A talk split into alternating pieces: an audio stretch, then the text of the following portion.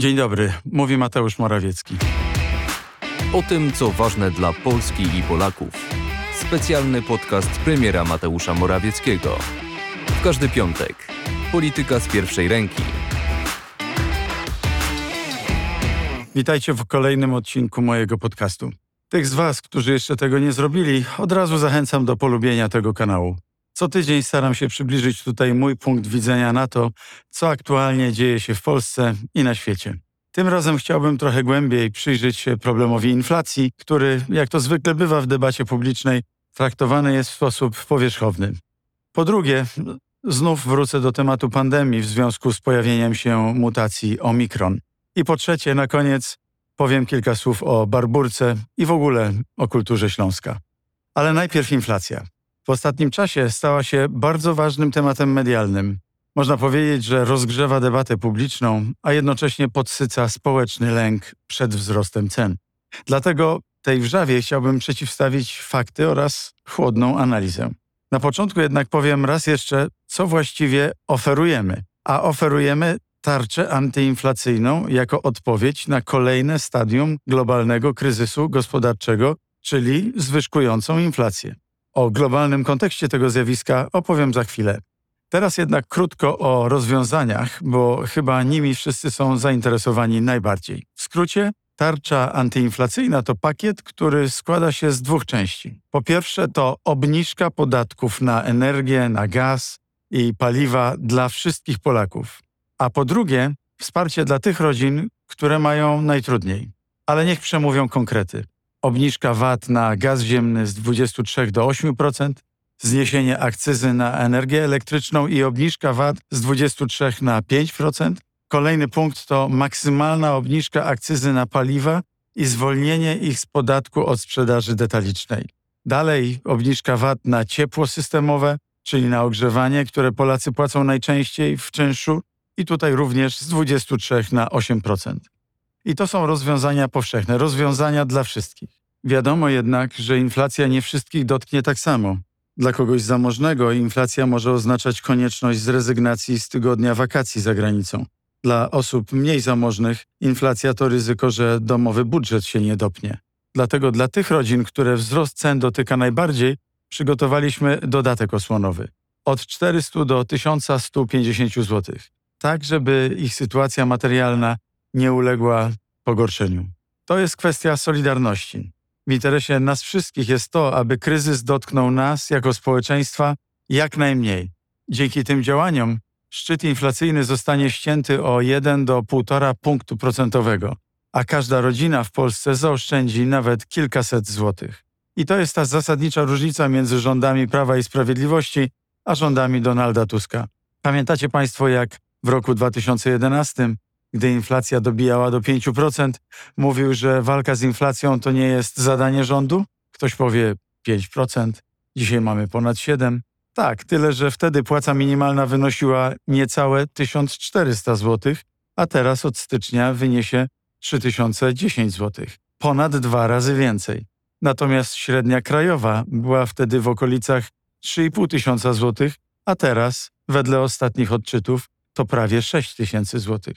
I choć niektórym się wydaje, że 500 plus czy 13 emerytura istnieją od zawsze, to przypomnę jeszcze, że wtedy, w tamtych latach 2011-2012, żadnego z tych programów jeszcze nie było. Szanowni, nie po to przez ostatnie 6 lat tworzymy warunki, aby coraz więcej Polaków zarabiało coraz lepsze pieniądze, żeby teraz, w chwili kryzysu gospodarczego, pozostawić obywateli bez wsparcia. My nie chowamy głowy w piasek, tylko poważnie działamy. Chcemy, żeby zwykli ludzie poczuli obniżkę podatków na energię, na energię cieplną, na gaz czy na paliwa, a nie, żeby były one pretekstem dla tej czy tamtej firmy, aby wprowadzać ukryte podwyżki.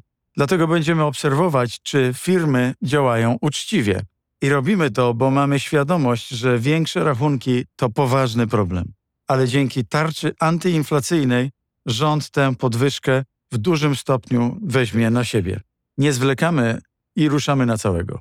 Chcemy, żeby tarcza zaczęła chronić Polaków już od przyszłego miesiąca. I wiecie co? To nie jest nasze ostatnie słowo.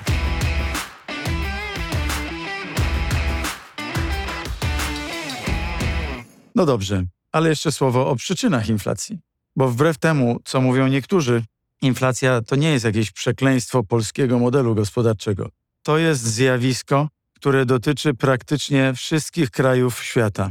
I nie mówię tutaj o jakichś państwach dla nas egzotycznych. Mówię o grupie G20, mówię o Unii Europejskiej czy Stanach Zjednoczonych albo Kanadzie. Pozwólcie, że wylistuję przykłady, które mam przed sobą. Stany Zjednoczone, poziom inflacji nienotowany od połowy lat 80. Kanada, największe odczyty inflacyjne od 18 lat. Dalej choćby kraje Unii Europejskiej, Hiszpania, inflacja najwyższa od 29 lat. Przykłady mógłbym mnożyć. Niemcy, tu z kolei od 28 lat nie notowano takich odczytów inflacyjnych. A w strefie euro inflacja jest największa od początku pomiarów, czyli od około 25 lat. Wybaczcie Państwo, że tyle mówię o liczbach, ale to są konkrety, które trzeba wziąć pod uwagę, jeśli debatę o inflacji traktujemy serio. Chyba zbyt łatwo zapominamy, co miało miejsce blisko dwa lata temu. A miało miejsce przecież globalne wyhamowanie gospodarek w związku z COVID. Kryzys stulecia, jak mawiano. To tak, jakby w jednej chwili taśmy produkcyjne na całym świecie w jedną noc przestały pracować. No może nie w jedną noc, ale mówię o tym, żeby pokazać skalę kryzysu, z którym mieliśmy do czynienia. I po tym wielkim zastoju świat przyspieszył. Nastąpiło wahnięcie w drugą stronę, a firmy i ludzie na całym świecie ruszyli na zakupy. Obecnie skala zamówień jest tak wielka, że światowe centra produkcyjne nie są w stanie nadążyć z produkcją. Wszystko to w oczywisty sposób powoduje niebywale silną presję cenową. Zresztą nakręcanie obaw inflacyjnych ten mechanizm tylko napędza. Przekłada się na decyzje konkretnych ludzi, a nawet na gromadzenie zapasów przez przedsiębiorstwa. Drugim czynnikiem napędzającym inflację są ceny paliw.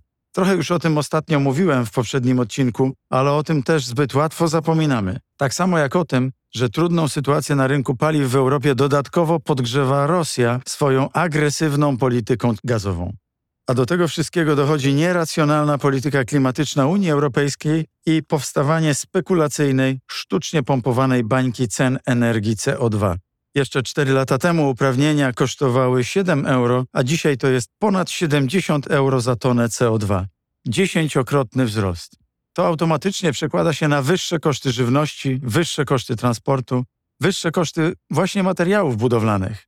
Dlatego na posiedzeniu Rady Europejskiej w połowie grudnia zaproponuję, aby zaprzestać możliwości spekulowania uprawnieniami do emisji CO2 czyli żeby tylko podmioty energochłonne i inne, które muszą mieć uprawnienia do CO2, mogły nimi handlować. Podsumowując, jeśli chodzi o inflację, Polska nie jest wyjątkiem. Nie jesteśmy samotną wyspą. Nasza gospodarka jest silnie związana ze światowymi łańcuchami dostaw i tak jak w innych krajach jesteśmy podatni na zewnętrzne czynniki inflacyjne. Zresztą tak zdecydowana reakcja na kryzys COVID, jaką podjęło państwo polskie, też nie jest tu bez znaczenia. Przypomnę, że dla ratowania Polaków przed widmem bezrobocia przeznaczyliśmy ponad 200 miliardów złotych. I cel, który sobie założyliśmy, udało nam się osiągnąć. Polskie rodziny w wyniku COVID-19 nie straciły swoich miejsc pracy. Dziś bezrobocie w Polsce należy do najniższych w całej Unii Europejskiej i jest najniższe w historii III Rzeczpospolitej. I teraz, tak samo jak zadziałała tarcza antykryzysowa, tak również zadziała tarcza antyinflacyjna. Chciałbym, żeby tu mocno to wybrzmiało. Proszę Państwa, ta walka z inflacją, walka z kryzysem nie będzie łatwa ani krótka, ale mówię Państwu, to będzie walka zwycięska. To jest podcast premiera Mateusza Morawieckiego. Słuchaj dalej. A teraz o kolejnym wyzwaniu, z którym musimy się mierzyć. I znowu globalnym. Wkraczamy właśnie w kluczowy moment dla dalszego przebiegu epidemii.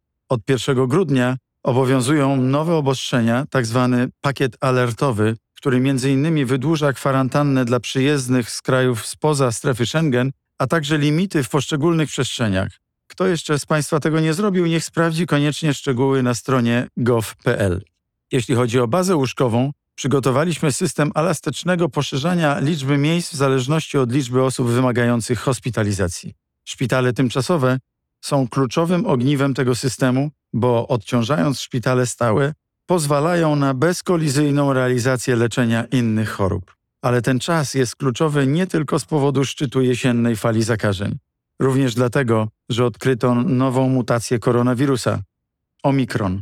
W tej chwili czekamy na wyniki badań nad nowym wariantem wirusa. Wciąż niewiele o nim wiadomo.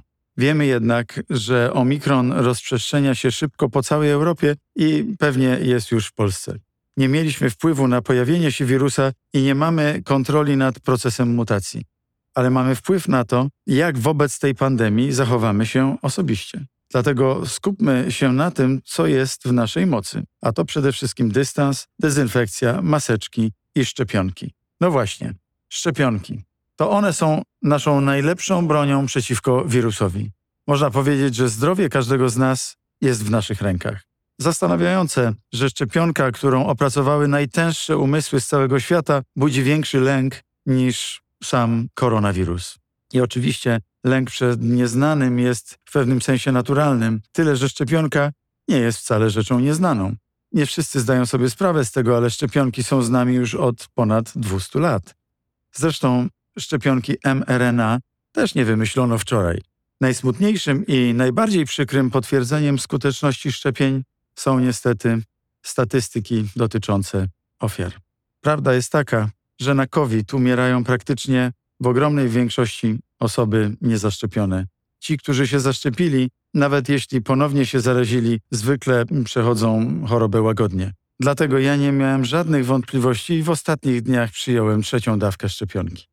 Niektórzy mogą powiedzieć, że zrobiłem to, bo jako premier musiałem dać przykład społecznej odpowiedzialności, ale w równym stopniu zaszczepiłem się z troski o zdrowie moje, moich dzieci, żony, rodziny, współpracowników, bo kiedy tak wielu z nas wstrzymuje się od przyjęcia szczepionki, dawanie przykładu jest zadaniem nie tylko dla premiera, to zadanie dla każdego z nas. Każdy z nas powinien zachęcać, przekonywać i pomagać w pokonaniu tego pierwotnego lęku swoim najbliższym, przyjaciołom. A ponieważ święta coraz bliżej, więc powtórzę to, co mówiłem ostatnio. Zaszczepienie się to najlepszy prezent, jaki można sprawić na święta tym, na których nam zależy i których kochamy.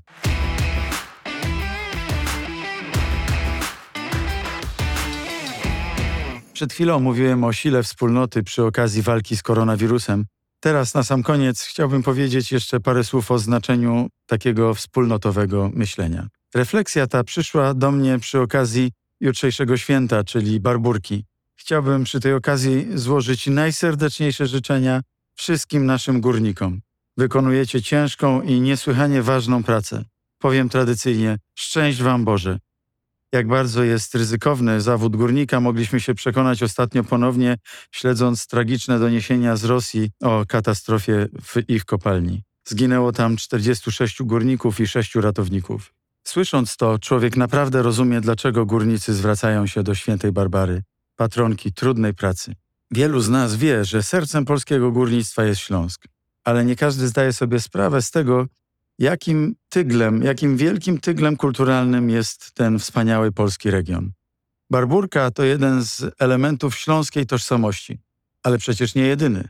Zbyt łatwo o lokalnych tradycjach myślimy w sposób powierzchowny. Dlatego ja o Śląsku zawsze staram się myśleć w kategoriach różnorodności.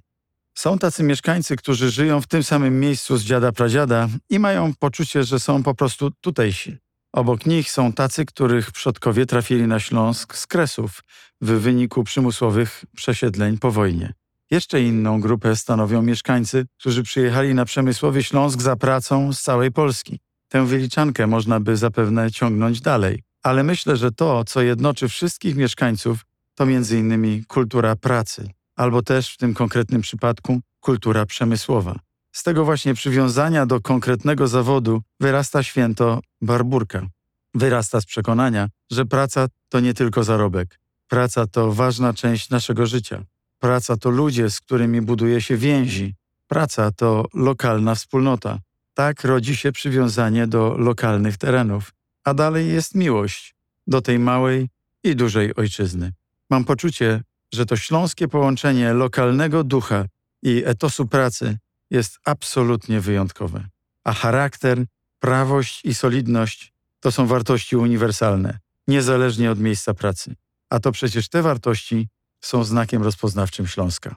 Z chęcią przeczytałbym taką historię Polski, w której właśnie miejsca pracy zostałyby pokazane jako lokalne ośrodki tworzenia kultury narodowej. Taką gospodarczą historię polskiej tożsamości. Może znacie taką książkę i ktoś z Państwa chciałby się w komentarzach podzielić. Byłbym wdzięczny. Moi drodzy, to wszystko w dzisiejszym odcinku, pierwszym grudniowym. Do świąt jeszcze trochę czasu, ale już w poniedziałek będziemy obchodzić tradycyjnie Mikołajki. Dlatego już teraz Wam życzę, aby ten czas przygotowań do Wigilii był dla Was dobry. Może to moment, aby zwolnić i bardziej niż zwykle dostrzec potrzeby najbliższych. Tymczasem życzę Wam zdrowia i uważajcie na siebie. I zapiszcie się na przypominającą dawkę szczepionki.